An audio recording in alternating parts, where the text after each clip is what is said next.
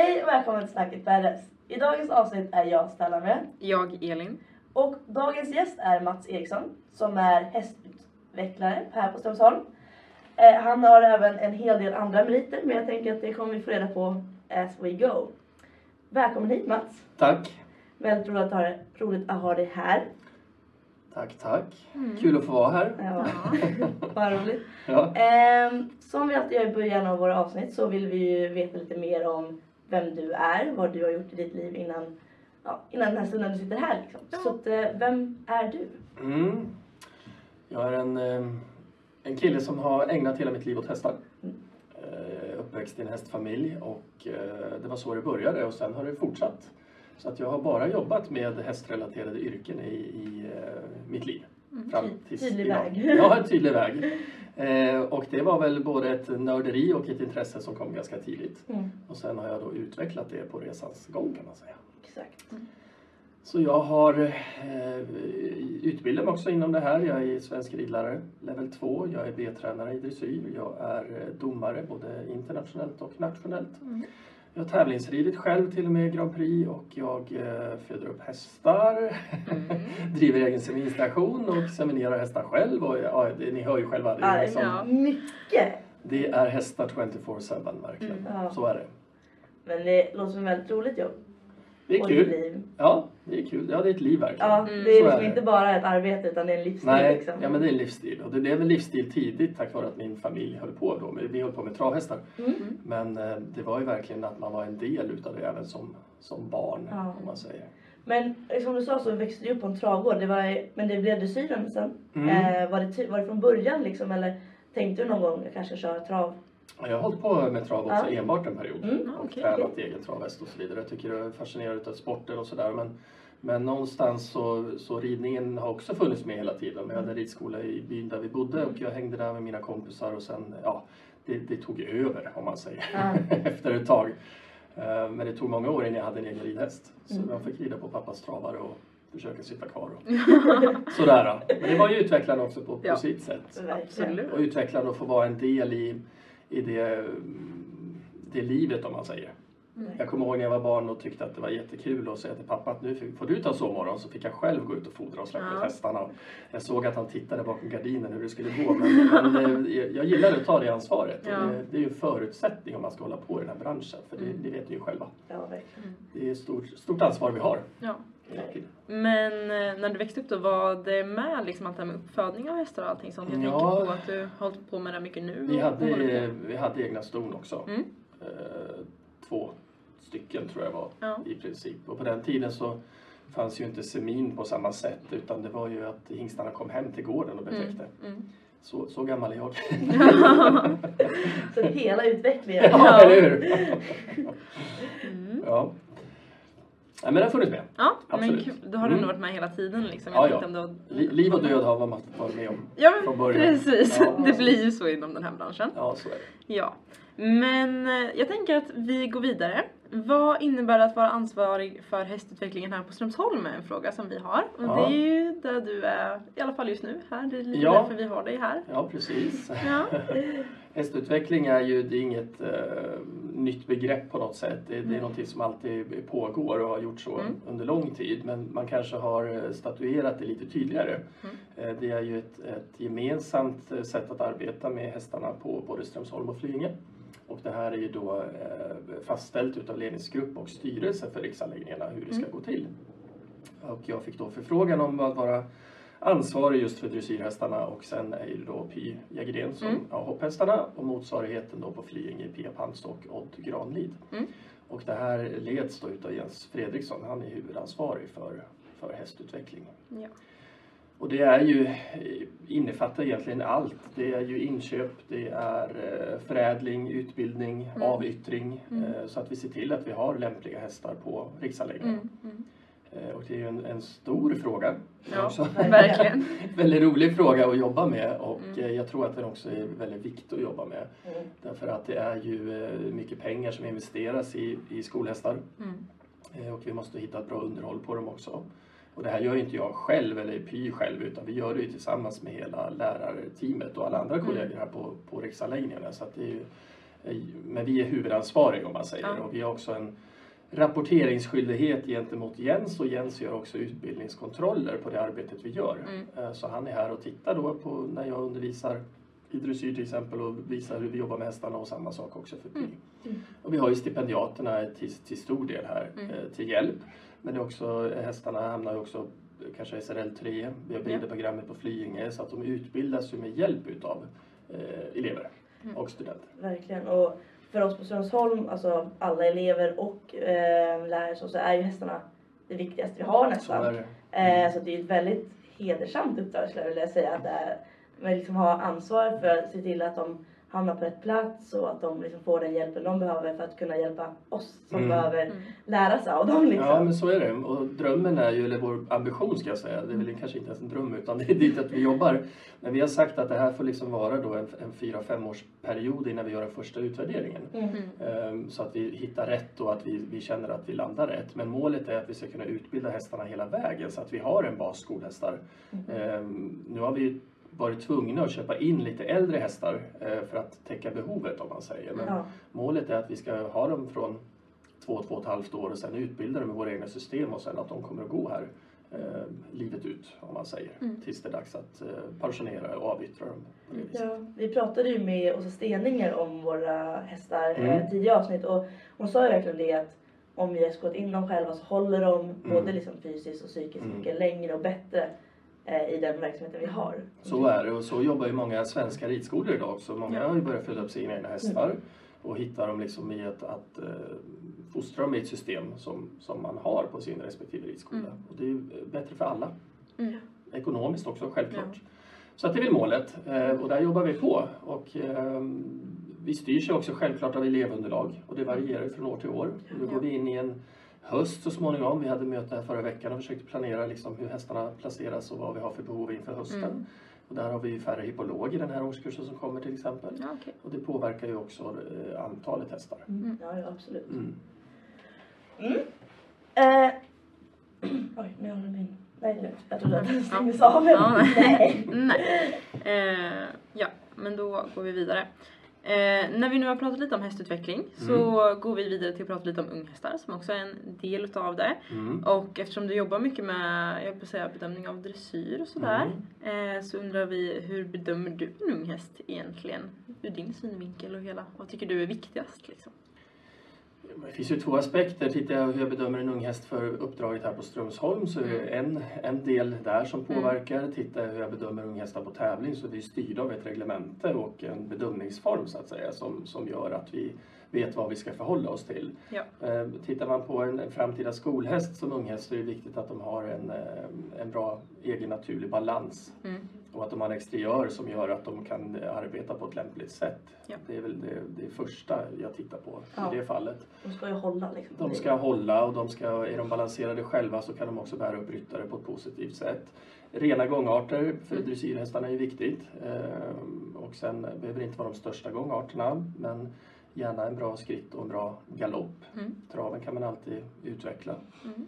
Eh, och sen har vi det på, köper vi in unghästar- till riksanläggningar så är det ju så att vi köper i procentfördelning 75-25. Mm. Och det är 75 procent hoppstammade hästar och 25 procent dressyr. Jaha.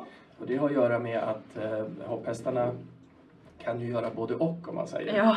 Eh, dressyrhästarna kan vi inte komma på när de är 10 år att nu ska du bli hopphäst. Utan, utan de går lite en annan väg om man säger. Men det är så själva fördelningen ser Mm. ut och därför är det också eh, när vi tittar på hopphästarna också att de har en, en, en ganska bra grundgångarter. Ja. Så att vi för framtiden känner att vi kan använda dem också inom, inom dressyren. Mm. Ehm, Så det är väl egentligen de stora faktorerna när det gäller skolhästar. Sen som sagt när vi dömer unga hästar på tävling då är vi Mm. ganska eh, styrda. Mm. Som det är enligt eh, regelverk och vad vi har för saker att förhålla oss till Ja. för att sätta ett visst betyg och så vidare. Men det är ju um, Unghästarna bedöms ju inte normalt som en normal dressyrtävling utan det handlar om gångarsbetyg och det handlar om lösgjordhet och det handlar om framtidsperspektiv. Mm. Så att det är en helt annan bedömningsform och man dömer också inte ensam utan man dömer alltid i kollegium. Mm.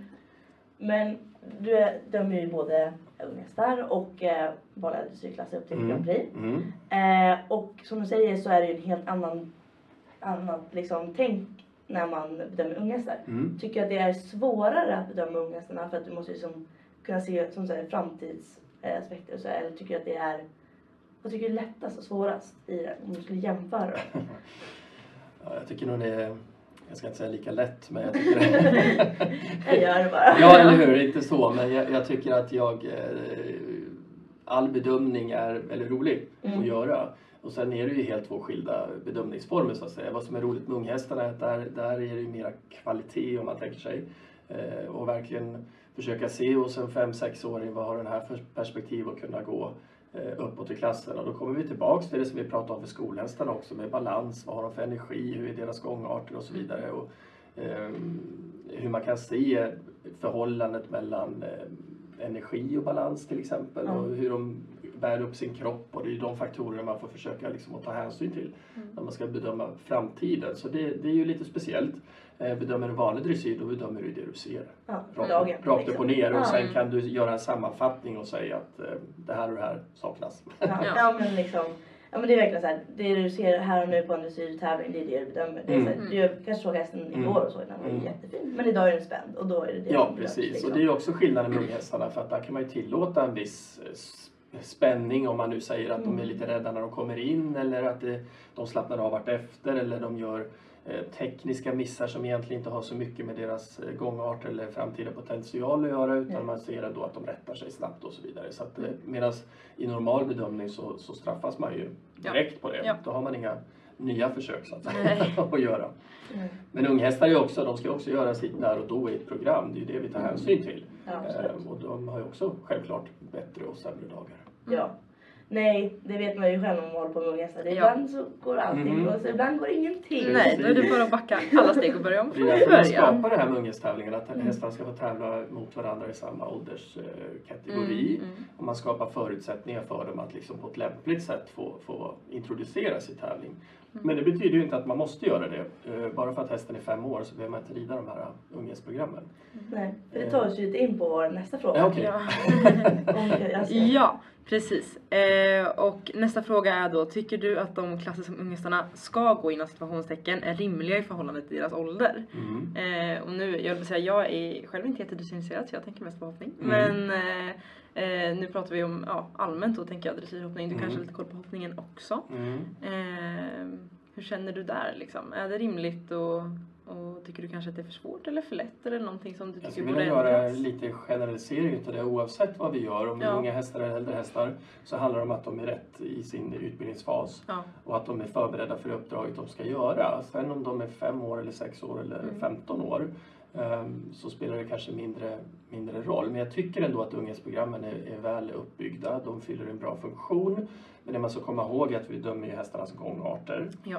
Eh, Och eh, det är klart att har du en häst som inte är så utvecklad i sina gångarter än så Mm. kanske det kan bli en viss stressfaktor att den måste göra sina längningar och den måste göra sina eh, visa upp att den har villighet till samling och så Ja, vidare. mm. Då kanske det är bättre att en sån häst får, får lära sig att tävla lite på vanlig normal nivå eller ett Ja. B A eller någonting och Mm. bara komma ut och bekanta sig där eller att man behåller den i träning lite Ja. längre tid. Mm. Så det är väl egentligen inget som skiljer nivån om man säger. Det, det kan man ju se ibland också att hästar man dömer normalt som inte är redo för klasserna Ja, ja, absolut. Ehm, så att det, ja. Nej, man brukar ju säga det att det är väldigt lätt att förstöra en ung häst om man går för fort. Mm. Alltså när den inte är Mm. redo. Det är sam, ja, samma med att börja tävla den sen. Att är inte hästen liksom i en bra mental lösgjordhet hemma liksom. Mm. Hur ska då kunna gå upp och göra det Nej, på en ny plats, stressig miljö liksom. Mm. Och eh, det är väl det vi också har med, med dagens avel att jobba med. Så, här, Mm. Med de heta hästarna och mycket Mm. blod och flykt. Ibland känns det som att bara för att man har fem år häst så ska den gå fem års bedömning. Det, det är liksom inte så det är riktigt Nej. tänkt utan de ska också vara mogen för den uppgiften. Ja. För det är, en, det är en annan bedömningsform. Mm. Det måste man ha klart för sig. Ja, och det handlar ju liksom, man kan ju eh, ligga egentligen fas med sin träning utan några skador och så här, men Mm. fast de säger att hästen inte riktigt där i sina gångarter eller inte där mentalt. Mm. Det finns inte riktigt man kan göra då fast Nej. man har liksom lagt ner Nej. den träningen man...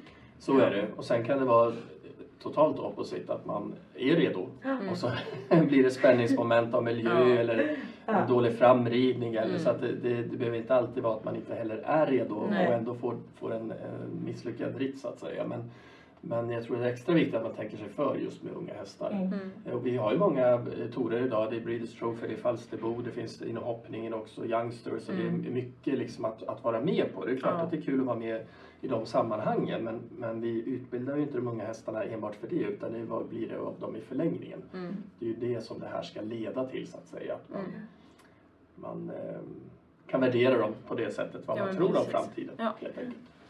Det känns som att det egentligen är skapat mer som en check på läget men många ser det som att här Ett måste vi slutmål. vara, Mm. precis ett slutmål. Mm. Eh, någonting som alltid ska liksom, Mm. byggas upp till och där man ska vara medan det egentligen är en avcheckning på läget för att ta Mm. sig fram mot framtiden. Liksom. Lite så är det faktiskt. Ja. Sen har det ändå visat sig att många framgångsrika unghästar går hela vägen också. Ja, absolut. De har rätt matchning och de, de får en bra upplevelse och så vidare. Mm. Så att det, är, det är ju många bra saker med det också. Ja, självklart, absolut. Så är det. Ja. Eh, men vi går vidare ännu en gång. Mm. Eh, och eh, då går vi till frågan, hur är det att jobba med bedömning av högre klasser i dressyr? Är det något, någon speciell utveckling du ser liksom åt något håll sådär?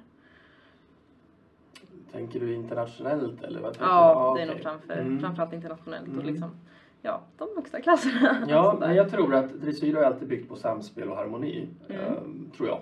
Ehm, sen kanske man hade en period, i, i alla fall under min tid i sporten, där man hade träningsformer som kanske var lite kontroversiella. Ja. Eh, Det var ju rollkuren som kom då till Mm. exempel som delade väl dressyrvärlden lite grann i två läger och eh, idag är man ju mycket mera en, tydligare ändå just med Mm. hur mycket harmonin verkligen betyder. Mm. Att vi vill inte se eh, hästar som går på spänning eller Nej. hästar som inte är bär sig själva eller bär halsen själv eller är framme med näsan utan det är liksom inte, inte belönas inte Nej. på det sättet. Och det kan man ju se ganska tydligt. Titta på Jessica von Bredow Werndl till exempel Mm. med Daliera. Ja. En ganska ful häst. Men som gör allt och det är liksom ett totalt samspel och det, Mm. och det är liksom det är ju ditåt man måste sträva hela Mm. tiden och jag tycker vi ser fler och flera sådana exempel. Mm. Vilket är väldigt glädjande för det är ju Mm. så ridning ska vara. Ja. Verkligen. Men det är ju verkligen så att när det belönas på tävling och bara tänker på tävlingshästarna då blir också det en bättre typ av träningsform för hästarna Mm. sen hemma. Mm. Om det är, målet är att vi ska kunna rida i harmoni då kommer man ju också träna för det. Mm. Mm. Eh, och då blir ju här trä- träningsformerna mycket bättre Mm. hemma också. Precis, ja, det är jätteviktigt. Sen kan man ju se att det, det är klart att det påverkar internationellt om man, eh, vilka deltagare som är med så att säga. Om Mm, vi ja, har absolut. ryttare från andra länder där ridsporten är så stor så kan man ju se att här, här saknas det lite rutin och Mm. erfarenhet och andra saker och, och medan ryttarna från Europa är ju dominerande. Ja. Så, så är det ju. Och sporten är ju störst här också. Mm. Mm. Ja, jo men eh, jag vill säga, jag vill ställa ta nästa fråga. Jag vet inte vart vi är någonstans. Vi är här. Kan du läsa eller ska jag ta den? Eh, men vi tänker du har ju varit med som vi pratade om från ja, hela ditt liv inom ridsporten. Mm. Och ridsporten som vi hoppas på utvecklas ju konstant. Eh, och du jobbar ju faktiskt med att se lite framtidsplaner. Så vad tror du om ridsporten? Vad är, vad är ridsporten på väg nu? Mm, Jag tror ridsporten har utmaningar som all sport om man säger där vi använder djur. Mm. Där man kommer till frågeställningen att djuren har ju inte valt det här själva. Mm. Nej, det kan vi komma överens om att det har de inte gjort. Men vi har ändå liksom domesticerat, heter det va? Mm. Utvecklat eh, hundar, hästar.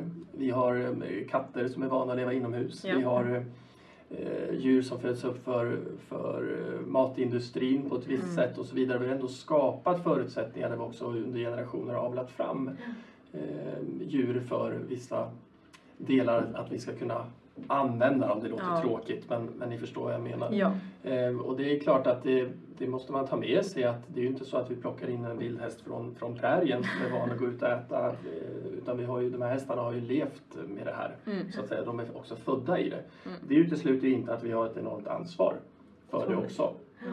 Men ibland tror jag att man, man, man ser så mycket och jämför med den, hur djuren är i naturen och det ska vi absolut vårda. Ja. De har sina instinkter, de har sina behov, de har sin fysiologi, hur de är byggda med nervsystem och matsmältning och allt det där finns ju Mm. kvar.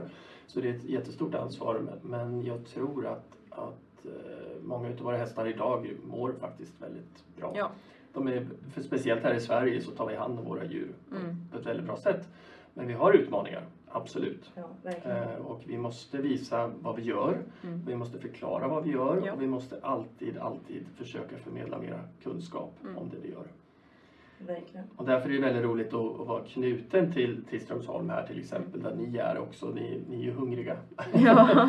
och vill eh, lära er att liksom ta hand om det här för framtiden Mm. också. Så att det, det är väldigt viktigt att vi har våra riksanläggningar och att vi Mm. utbildar i rätt riktning. Mm. Verkligen. För just ut, alltså, utbildning och kunskap ger oss ju mycket mer kännedom om liksom, vad, hur det är vi ska ta hand om våra hästar. Mm. Alltså det är ju väldigt många som liksom bara kan mocka och lägga in lite mat i en häst Ja. och sen så är man Mm. klar. Ja. Men du måste ju liksom kunna läsa din häst, Mm. du måste ju kunna säga vad Alltså gå in i en box, du måste fortfarande kunna veta så vad betyder det här? Mm. Mår min häst bra nu? Eller ja den äter inte riktigt, ja varför? Mm. Mm. Eller den vill inte gå på tygen. Mm. Ja. Eh, vad, gör jag, vad gör jag Mm. för fel? Eller Ja. vad ska jag förbättra inför Mm. mig liksom? Precis. Vi, Och det är viktigt det du säger nu, att man måste gå till sig själv. Mm. Eh, och det kan man känna ibland med, med privata elever, att, att man liksom, hästen blir det är hästen som inte fungerar, det är Mm. hästen som inte gör, men man måste gå till sig själv. Vi, som domare och som tränare och som ryttare så jobbar vi alltid efter utbildningsskalan och det gör vi också här på, på Strömsholm. Mm. Eh, men det finns ju också ryttarens utbildningsskala. Ja. Det får man inte glömma bort Nej. med sits och position, balans, koordination, inverkan, allt det där och det måste man vara lika nyfiken på så att Ja. man också kan hjälpa sin häst på, Ja. på bästa sätt. Och det är fördelen här när vi har, har eh, skolhästarna som också kan vara ett verktyg för lärarna att, att hjälpa er också. Mm. Att eh, hitta er utbildningsskala och växa tillsammans med hästarna. Så Mm. att, eh, men jag tror det där att det är väldigt viktigt också, inte bara tänka på hästen och eh, nu funkar inte den, nu blev den halt och nu blev den Mm. halt igen. Men varför blir den halt? Ja. Gå, gå till dig själv. Liksom. Och det är ett stort ansvar, det, det tror jag att vi måste verkligen förmedla ännu tydligare. Mm. Jag vet inte om jag, en känsla bara jag har, det är att, att tävling är så otroligt intressant idag. Mm. Och kom- kommer nästan först. Ja. Man vill tävla. Mm. Och det är jättekul och det är jättebra att man vill tävla. Men förutsättningarna för tävling måste ju finnas där också. Ja. ja, verkligen. Du kan ju inte tävla en häst som inte mår bra. Nej. Nej, En så är halv det. eller en häst, häst Ja, eller en häst som inte uppfyller kraven i ett Ja. utbildningsskala, Ja. som inte klarar nivån på programmet eller Nej. på klassen och så vidare. Och det, det, det är en svår kombination. Ja, för man vill inte ta bort heller människors eh, vilja och Nej. eh, ambitioner men man måste också förstå och sätta sig själv vart är jag i det här sammanhanget. Mm. Det är det stora ansvaret jag tror att, att vi i framtiden kommer få jobba ännu, ännu tydligare med. Mm. Där tänker jag också att vi kommer tillbaka till kunskap och delvis färdighetsträning. Att Mm. man hela tiden har kunskapen att kunna också se vad som händer, se vad som är felet, kunna analysera saker och också Eh, som vi pratade lite om förut, att kunna förklara för andra människor som kanske inte är hästintresserade om vad är det som händer nu Mm. liksom. För det som, jag höll på att säga, ibland kanske filmas på TV och man ser att en häst är spänd i ett dressyrprogram eller vad som, det kan ju se ganska dramatiskt ut för Mm. någon som Mm. aldrig har sett hästar förut. Mm. Vara. Eh, men där är det ju ännu viktigare med kunskap och att det då, vi också har till exempel kommentatorer och liknande som faktiskt Mm. kan förklara vad det är som Mm. sker. Absolut. Ehm, Men vi det har ju omvärldens ögon på oss och det, Ja. det är ju inte bara ridsport utan Nej. det är ju hela allt som vi gör med djur som jag sa innan. Oavsett om det är för livsmedel eller vad som helst. Allt Mm. är ju, men vi, vi har ju en annan viktig faktor är ju att det, det måste få ta tid det här vi håller ja, på med. verkligen. Och det är dagens samhälle, det ska gå fort allting Mm. och det är, allt du gör ska ut på nätet och det, Ja. ska liksom, det är så öppet allting idag Ja. och det, det är jättekul på, på många sätt. Ja, Men det känns också ibland som att det framkallar lite stress, att man ska vara lika som alla andra. Och, och man måste liksom bara vara med sin häst och känna efter var är vi, Mm. vilken, vilken tidszon är vi i ja tillsammans. exakt. och hur kan vi liksom utveckla vårt förhållande? Och det, det är den stora utmaningen man har som tränare, Mm. Verkligen. Där kan jag tänka att många elever också känner press för att kanske Mm. vilja komma upp på tävling och, och vidare och sådär. Mm. Men jag tänker att då också som tränare kan det kanske vara svårt ibland att verkligen liksom eh, jag höll på att säga, vad ska man säga, förmedla till eleven att du Mm. är inte riktigt här. Mm. Hur mycket du än vill så funkar Mm. det inte just nu. Eh, Det viktiga tror jag är att hitta verktyg som gör att man med en elev kan framkalla en, en skillnad. Att man får Mm. uppleva en känsla av en skillnad. Oj, Mm. nu förstår jag vad du menar. Ehm, och där är tiden en viktig faktor, repetition är en jätteviktig faktor, Mm. att man gör om tills det blir rätt. Ehm, ibland tycker jag man kommer in och ser någon rida eller eh, träna eller någonting Mm. så, så förstår man inte riktigt vad de, vad de gör. Det finns ingen, ingen plan medan i andra ridhus du går in i så kan du se liksom, ah okej, här, Mm. jag är liksom, jag ser, jag förstår exakt Mm. vad det är för någonting. Mm. Och det är den medvetenheten och du har ju självklart med erfarenhet och annat Mm. du gör också. Men man, i all träning så vill man ju skapa förbättring och man, man, man måste komma ihåg så här att eh, om man vill ändra på någonting eller Mm. utbilda till någonting så får du ett svar utav din häst. Ja. Eh, och det kanske inte var det svaret som du hade tänkt dig Nej. där och då. Eh, och många ryttare är så här, får du det svaret som du inte hade tänkt dig, hästen har ingen aning. Eh, det är vi som har hittat på det här. Det måste man ju komma ihåg också. Mm. Den kommer ju fortfarande äta sitt hö på kvällen. Ja. Den funderar ju kanske inte jättemycket över det. Men, men det, det gör också att man kan stressa av lite och tänka så okej det här blev inte det svar jag tänkt mig. Jag gör om Mm. och jag gör om så att det blir positiv betingning istället för att det blir att man korrigerar den förändring som man faktiskt som ryttare har begärt. Mm. Mm. Men i din värld fick du inte rätt svar. Nej. Men hästen har ju ingen aning. Nej, precis. Så brukar jag tänka lite grann ibland. Kan man förmedla det liksom, gör bara om så du känner att du ger så många repetitioner där, där Mm. häst och ryttare får möjlighet att, att göra rätt och framförallt uppleva skillnad. Mm. Och det är den tiden som jag tycker ibland eh, saknas. Mm. Det blir för mycket liksom här och nu och... Det ska vara lite quick fix Ja, liksom. lite så. Ja. Och just det här att man, man många gånger i, i ridningen talar om för hästen vad den inte ska göra. Mm. Men det handlar om att tala om för den läraren vad den ska Mm. göra så Ja. att det blir positiv förstärkning hela tiden. Absolut. Där tror jag också vi har mycket att lära Mm. utav.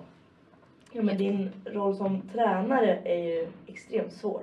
Alltså att kunna ha den här kommunikationen mellan både häst och ryttare Mm. och ryttare och häst ska ha en kommunikation. Mm. Det blir ju liksom som en liten triangel så alla ska Mm. liksom förstå varandra. För att du kan ju vara en väldigt kunnig ryttare själv men har svårt att förmedla till en annan ryttare Mm. så här, det här är det jag vill att du ska Mm. göra. Så är det. Och det antar jag att med många års erfarenhet och så får man ju träna på. Det gör ju vi liksom redan Mm. nu med att bli Mm. ridlärare och sådär. Ehm, och det är ett stort ansvar att få en bra känsla, speciellt hos hästen men även ryttaren Mm. och att man Och det vet ju ni också, ibland kan det vara så att man kan se en sak från marken men man upplever inte riktigt samma sak Nej. från, från eh, sadeln. Mm. Eh, och det där måste också gå hand i hand och man måste liksom att det är, det är inte alltid samma, Nej. samma feeling och eh, sen får man också tänka alltid att man, man utgår från hästarna. Ja. Eh, det, det är liksom, och där känner jag att där har man nog inte så jättemycket utrymme för att eh, inte göra det. Nej. Det Det, det tålamodet är lite, lite slut och jag, jag Ja. har liksom inga problem att säga att jag tycker si och så här. Sen är det ju självklart att man, man eh, ska ta det eh, ansvaret eh, för hästarnas på det viset men man ska också se till att, att ryttarna har möjlighet också att få, få öva och utbilda. Ja. Så den, den kombinationen är lite klurig, det håller jag Ja. med dig om. Jag tänker bara där, nu, det var bara en fråga som ploppade upp i huvudet. Mm. Eh, när du har träningar, om Mm. en elev säger att den inte upplever samma sak som du ser, Mm. sitter du någon gång upp då? Ja, Ja, det gör det. det händer också. Mm. Absolut. Nej, jag tycker bara det är kul att fråga för det är, det är lite olika vad man får för svar från Mm. olika tränare där.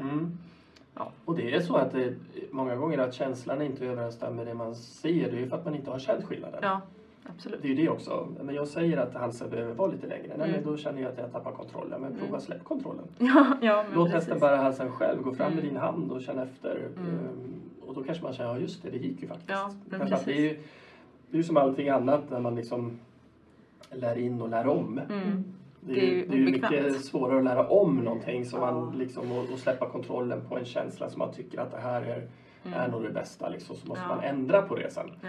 Ehm, Verkligen. Och det här med kontroll i dressyr känns också så väldigt typiskt. Alltså jag Mm. det också när jag rider eh, dressyr själv eller dressyrhäst att, att man hoppas det är ganska mycket lättare om man bara okej nu t- två fram och så hoppar vi ändå. Ja. Liksom. Det är bara vi kör. Det löser sig.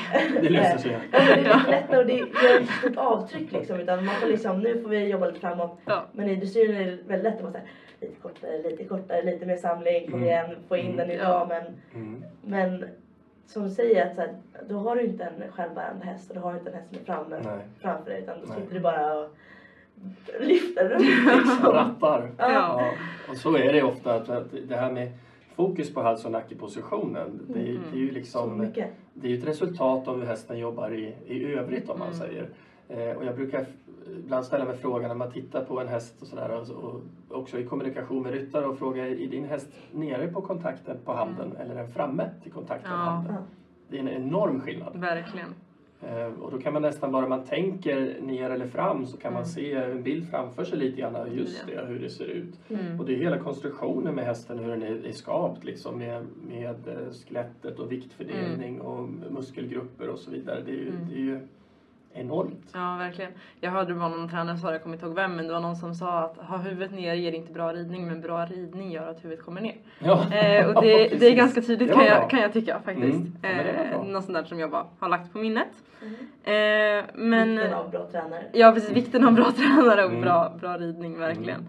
Eh, det är också väldigt kul. Det är också kul med att vara här på Strömsholm att man hör mycket, man ser mycket bra Mm. tränare och man har möjlighet att se mycket träningar. Mm. Eh, ja, men eh, vi rullar vidare. Mm. Eh, och då går vi till frågan, hur tror du att dagens avel kommer påverka hästvärlden i framtiden? Både om tio år och om flera generationer. Vad, hur tror du liksom kommer gå? Är det någonting du önskar kommer gå åt något håll? Ja, jag tror att det redan har gått åt något håll. Ja, jo då. Ehm, Faktiskt, tittar man på hästar idag eh, jämfört med bara 20 år sedan så har vi Mm. nästan skapat två olika raser. Ja, Alla säger det. Eller hur? Mm. Vi har liksom en, en hopphäst och en dressyrhäst. Det är Mm. samma grundblodbank vi har Ja. använt så att säga. Men sen har vi specialiserat det här väldigt mycket. mm. Och det kan man se ganska snabb utveckling på. ja, tycker jag. Och eh, just för dressyrens del så var det ju väldigt mycket där återigen vi kom in och pratade om spänst eller spänning och så vidare. Mm. Och det, vi kanske avlade också på lite väl heta ja. nerver, Ja. lite högt i blod. Vilket också har visat sig idag att, att det finns en annan efterfrågan nu. Mm. Och där kan vi också se till exempel hur SVB jobbar. Nu jobbar vi mer med liksom hobbyhäst, eh, Mm. Lektionshäst, skolhäst. eh, Mm. Att det finns också ett behov av, av den biten. ja, det saknas ju många ridskolehästar idag. Liksom. Ja, precis. Och det, det vore väl en dröm att vi kan göra det, precis som vi utbildar våra egna hästar också, att Mm. vi kan tillverka våra egna hästar Ja, även exakt. för Svenska Ridskolan. Så att man inte behöver köpa in så mycket utomlands och eh, jobba med handlare och annat. Mm. Eh, det är ju inte så lätt alltid, Nej. vet vi ju. Vi hade förra veckan Marianne här och hon sa ungefär exakt som du. Ja, okej. Eh, med, det här, med, med den här efterfrågan för Ja. eh, de mer ja, ridskolehästarna Mm. eller hobbyhästarna. Mm. Och då, man visar verkligen att det är ett... eh, Vi saknar dem liksom. Mm. Lite i... Man hör alltid eh, ridskolor som tycker att det är svårt att hitta hästar och sådär. Mm. Men när du tänker på det här, hur tänker du på din egen eh, lilla seminstation? Mm. Eh, jag antar ju att det är ett stort jobb att matcha hingst och sto och tänka att vad är den här fölets framtid? Vad är det vi vill liksom? Mm.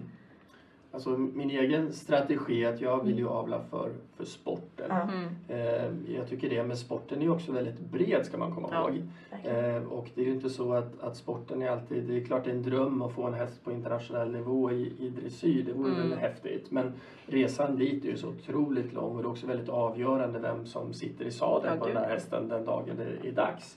Du kan ju ha världens eh, kvalitetshäst men den får aldrig chansen tack vare att den inte har rätt förutsättningar i sin träning eller hamnar, hamnar rätt helt enkelt. Mm.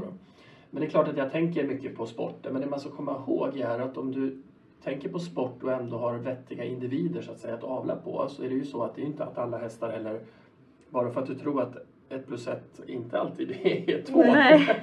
Utan ibland får man så här, okej, nej, det här blev inte riktigt vad jag hade tänkt. Nej. eh, Och så vidare. Så kan det ändå bli en bra häst för någon annan. Absolut. Eh, Så att man behöver kanske inte välja precis eh, de hetaste hingstarna till Mm. ston man har som kanske också är lite fulla med temperament. Mm. Utan försöka liksom se eh, lite bredare på det Ja. hela. Men temperament är ju väldigt svårt och det, jag tänker bruksprovet pågår nu och Ja. hur vet man liksom vad är ett bra temperament? Nej. Ja. Eh, hur testar man det? Ja. Eh. Det, det är svårt, Mm. det vet vi ju. Jag tänker också att nu bara på bruksprov att det kan också vara svårt att bedöma en så ung hingst med Ja. så mycket liksom hormoner Precis. och nerv i ett sånt Mm. Läge. Jag menar treåringarna som kommer hit har ju inte gjort så mycket i Nej, livet egentligen nej. om man tänker att bedöma deras temperament nu Mm. måste vara väldigt svårt Mm. liksom sådär. När Ja, de står, det. står in en vecka med en massa andra hingstar liksom och, och allt sånt. Det, Så är det. Men jag försöker att titta när jag väljer hingstar själv så Mm. försöker jag, jag kan prova en eh, treåring absolut. Ja. Men, men jag försöker också se lite grann när de är under i arbete så att Mm. säga.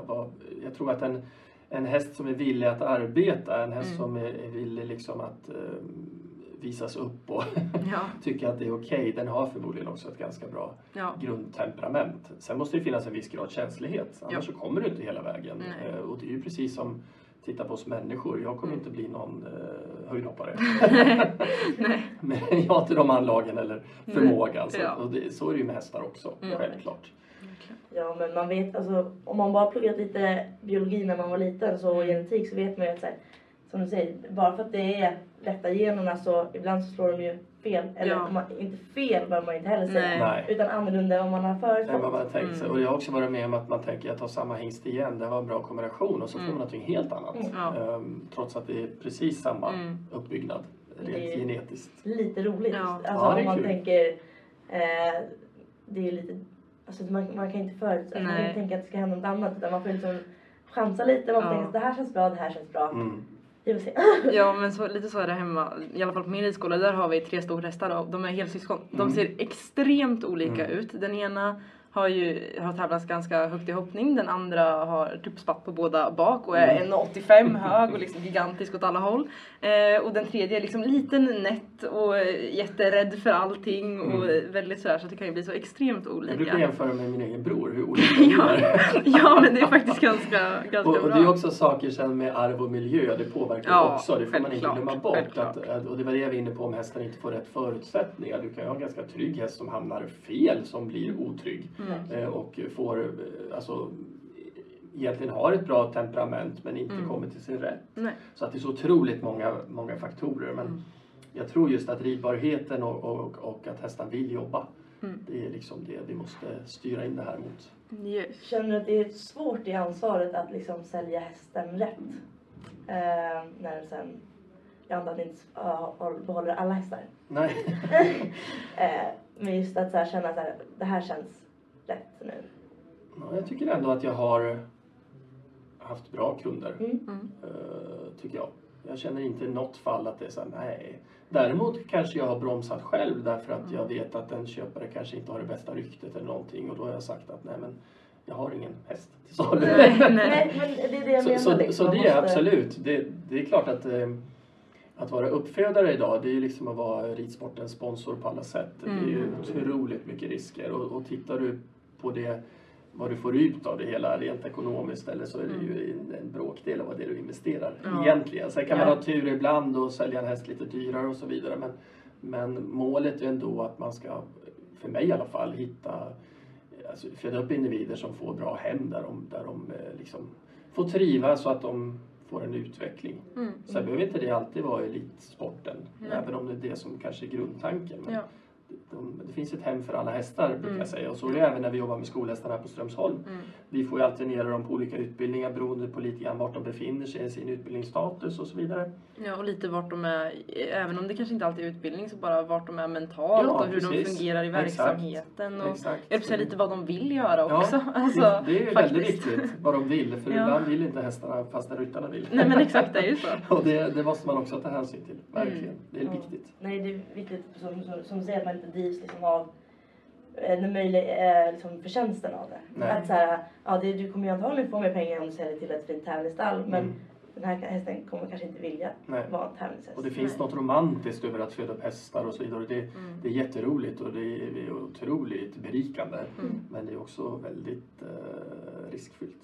Ja. Ja, Det kan ju hända När man står där med en frisk häst liksom. Och det är så mycket som kan hända. Verkligen. Gud, ja. Mm. Men det är roligt. Ja, verkligen. Det är, det är ju så, det är lite risken med det som också gör det lite spännande. Visst är det så? Det är ju faktiskt Ja, så. absolut. Eh, ja, men eh, vi rullar vidare till den sista frågan. Mm. Och det är om du har något bästa Strömsholmsminne. Det är en fråga som jag har till alla våra gäster. Mm. Eh, är det något liksom så här speciellt som du kan Ja, urskilja? Jag tycker väl att varje dag är ett bra minne. ja. När man får jobba med det här och, Mm. och också bo i den här miljön. Ja, det är fantastiskt. Jag tycker man får nypa sig i armen ibland och tänka liksom oj, vilka Mm. möjligheter man har. Men Mm. sen finns det ju många andra minnen. Ett, ett som jag har ganska starkt, eh, jag kommer från Norrland och flyttade ner hit för att utveckla mig som, Mm. som eh, ryttare och, och var då med på pingsttävlingarna. Mm. Eh, Min, min första. Så Mm. jag, jag var besökare många år innan men när Ja. jag fick rida här också kände Ja. jag så här, wow. nu. Eh, kom där och lyckades faktiskt slå många utav dem Mm. erfarna och jag Ja. var tvåa bakom Mistral Höjris hette den hästen som sen Mhm. gick OS för England. Oj, Eh. Och det kände jag så här, det, det var coolt ändå. Ja, ja men verkligen. Att man har varit där men ändå inte Mm. liksom. Och det, det var en, en glad amatör från Norrland som, Ja, som kom med sin häst. Och, Var eh, nära eliten liksom. Mm. Ja, och det ska man komma ihåg att det, det är inte ouppnåeligt Nej. det här vi håller på med. Men man måste ha liksom rätt drive och rätt passion och Mm. rätt inställning så tror jag att man, man kan lyckas utan att man vet om att man lyckas. Ja, absolut. Man går åt rätt håll liksom. Ja, precis. Även om man inte alltid Eller tänker hur? på det. Så det, det är ett eh, roligt minne som jag Mm. tänker på. Med den hästen också självklart. Ja, men Ja. absolut. Men det blir så, det blir så påtagligt när man väl är här. Det, Mm. Man är så nära de bästa i Mm. Sverige. Liksom. Mm. De kommer ju hit av olika anledningar och vi har liksom Rob Aarons här och vi, Mm. Jens kommer hit och vi Mm. hade Malin här förra helgen. Ja. Och det, man, man verkligen så här, vill bara sitta och bara kolla man bara, Ja. på det för att det är så mycket kunskap och man bara nu ska jag kolla vad du gör och så ska jag bli lika bra. Det är, det är väldigt viktigt att se så mycket som möjligt. Mm. Eh, och det är fördelen man har när man får döma mycket hästar också. Mm. När man får, både utomlands och i Sverige och, och man, man får se mycket häst för att det är det som gör att du skapar erfarenheter. Mm. Ehm, så att läktarna här borde vara fulla med elever, eller hur? Ja, ja. Jag tycker det. Jo men absolut. Eh, och se det live och se Mm. liksom vad händer just där och då. Mm. Eh, sen är det bra också med eh, allt som sker digitalt och Ja. följa med den biten också. Men ni vet ju själva, hästar, hästar är hästar Ja. och det är levande varelser och det är liksom där Mm. de befinner sig, det är där det händer. Ja, verkligen. Men också just när man hör att även om man kan se saker digitalt, att se och lyssna på träningen. Mm. Det känner jag är väldigt Mm. givande. Alltså höra vad både ryttarna säger men framförallt vad Mm. tränarna säger Mm. och vad de ser och vad de ser som nästa liksom, utvecklingspotential Mm. och vad som behöver göras om och göras så man lär sig ju hela tiden och det är också det här vi jobbar med hästutveckling. I det Mm. så ligger det också samsyn för oss som jobbar med hästarna och Ja. med eleverna. Eh, Och vi lär ju också mycket av varandra Ja. Hela tiden. Ehm, Någon hittar något bra koncept där eller mm, nu jobbar vi med det här och just det tack, det var ett bra tips. Alltså det är Mm. evigt lärande att hålla på med det här. Ja, gud, ja, man är aldrig fullärd. Nej, och det är väl därför vi drivs av det också. Ja. För att det finns liksom ingen slutstation. Nej, man blir aldrig klar. Nej, Man aldrig. blir... Snacka om att vara bra kollegor på jobbet. Både fyrbenta och tvåbenta. Eller hur? Ja. Kunniga Jajamän. alla. Mm. Verkligen. Eh, men vi kanske går vidare till det sista segmentet som vi har i våran podd. Och det är så att vi har ett segment som heter Fem snabba. Okej. som du ju inte har fått reda på i förhand. Nej, Nej. vad spännande. Ja. Mm. Eh, jag tycker Stella är väldigt bra på att köra det här så jag tänker att hon ska få ta min dator och ställa frågorna. Eh, och då kommer du få två påståenden. Det kan vara till exempel dag eller natt och så ska du svara så fort som möjligt utan att tänka på vad du tycker bäst om. Okej. Ja. Eh, så helt random. Så att, eh, är du redo? Go for it. Ja. Dressyr eller hoppning? Dressyr. Fartfylld utekväll eller lugn hemmakväll? Lugn hemmakväll. TikTok eller Instagram? Instagram. Sto eller vallack? Sto. Morgonfodring eller kvällsfodring? Morgonfodring.